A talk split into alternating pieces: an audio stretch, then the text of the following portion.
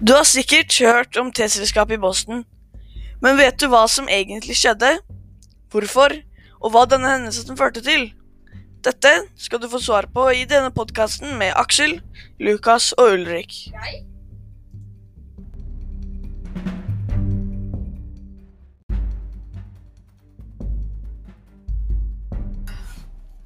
Nord-Amerika ble først erobret tidlig 1500-tallet av flere europeiske land. Av disse ble Storbritannia den sterkeste kolonimakten. USA bestod da av 13 ulike kolonier regjert av England. I 1763 kom en milit militær trussel fra Frankrike mot Storbritannia. Storbritannia mente at koloniene måtte betale en del av kostnadene og økte derfor skattene. Det var her den amerikanske revolusjonen først begynte. Koloniene mislikte dette, og, ført, og det førte til T-selskapet i Boston.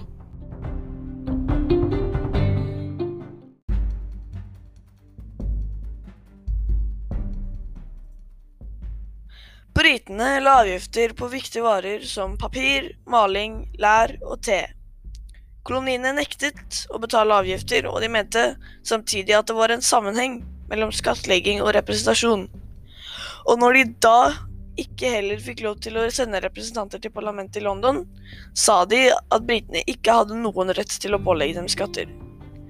Flere nektet da å kjøpe noe fra britene, og folk begynte å smugle eller lage selv.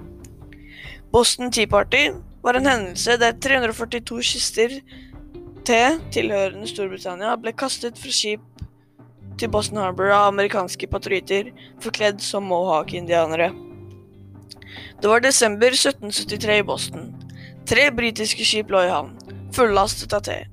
Plutselig dukket det opp rundt 50 menn utkledd som indianere. De stormet skipene og under krigsskyld kastet de teen til sjøs, mens tusenvis av mennesker sto på land og jublet. Flere slike hendelser hendte i andre havner senere, og dette gjorde britene rasende.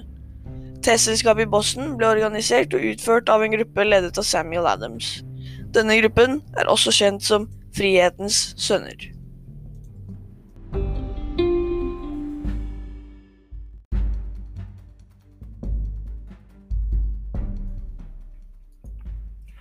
Britene svarer med å kontrollere mer. Det blir militære kamper mellom britene og koloniene.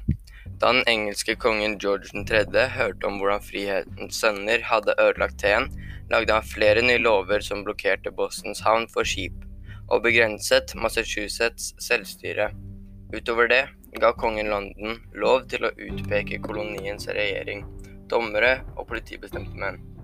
En av de nye lovene ga soldater adgang til innkvartering i private hjem. Britene ante at det ville komme et opprør, og gjorde alt de kunne for å hindre det. Da 800 britiske soldater fryktet frem mot Lexington for å ødelegge et av kolonisistenes militærregel, ble de første skuddene i den amerikanske uavhengighetskrigen avfyrt. Delselskapet i Boston ga kolonistene motivasjonen til å stå opp for sine rettigheter og til slutt risikere livet ved å gå i krig for deres uavhengighet. Boston Tea Party er et viktig inspirasjon, ikke bare for amerikanerne, men for andre opprørere mot urettferdighet rundt om i verden.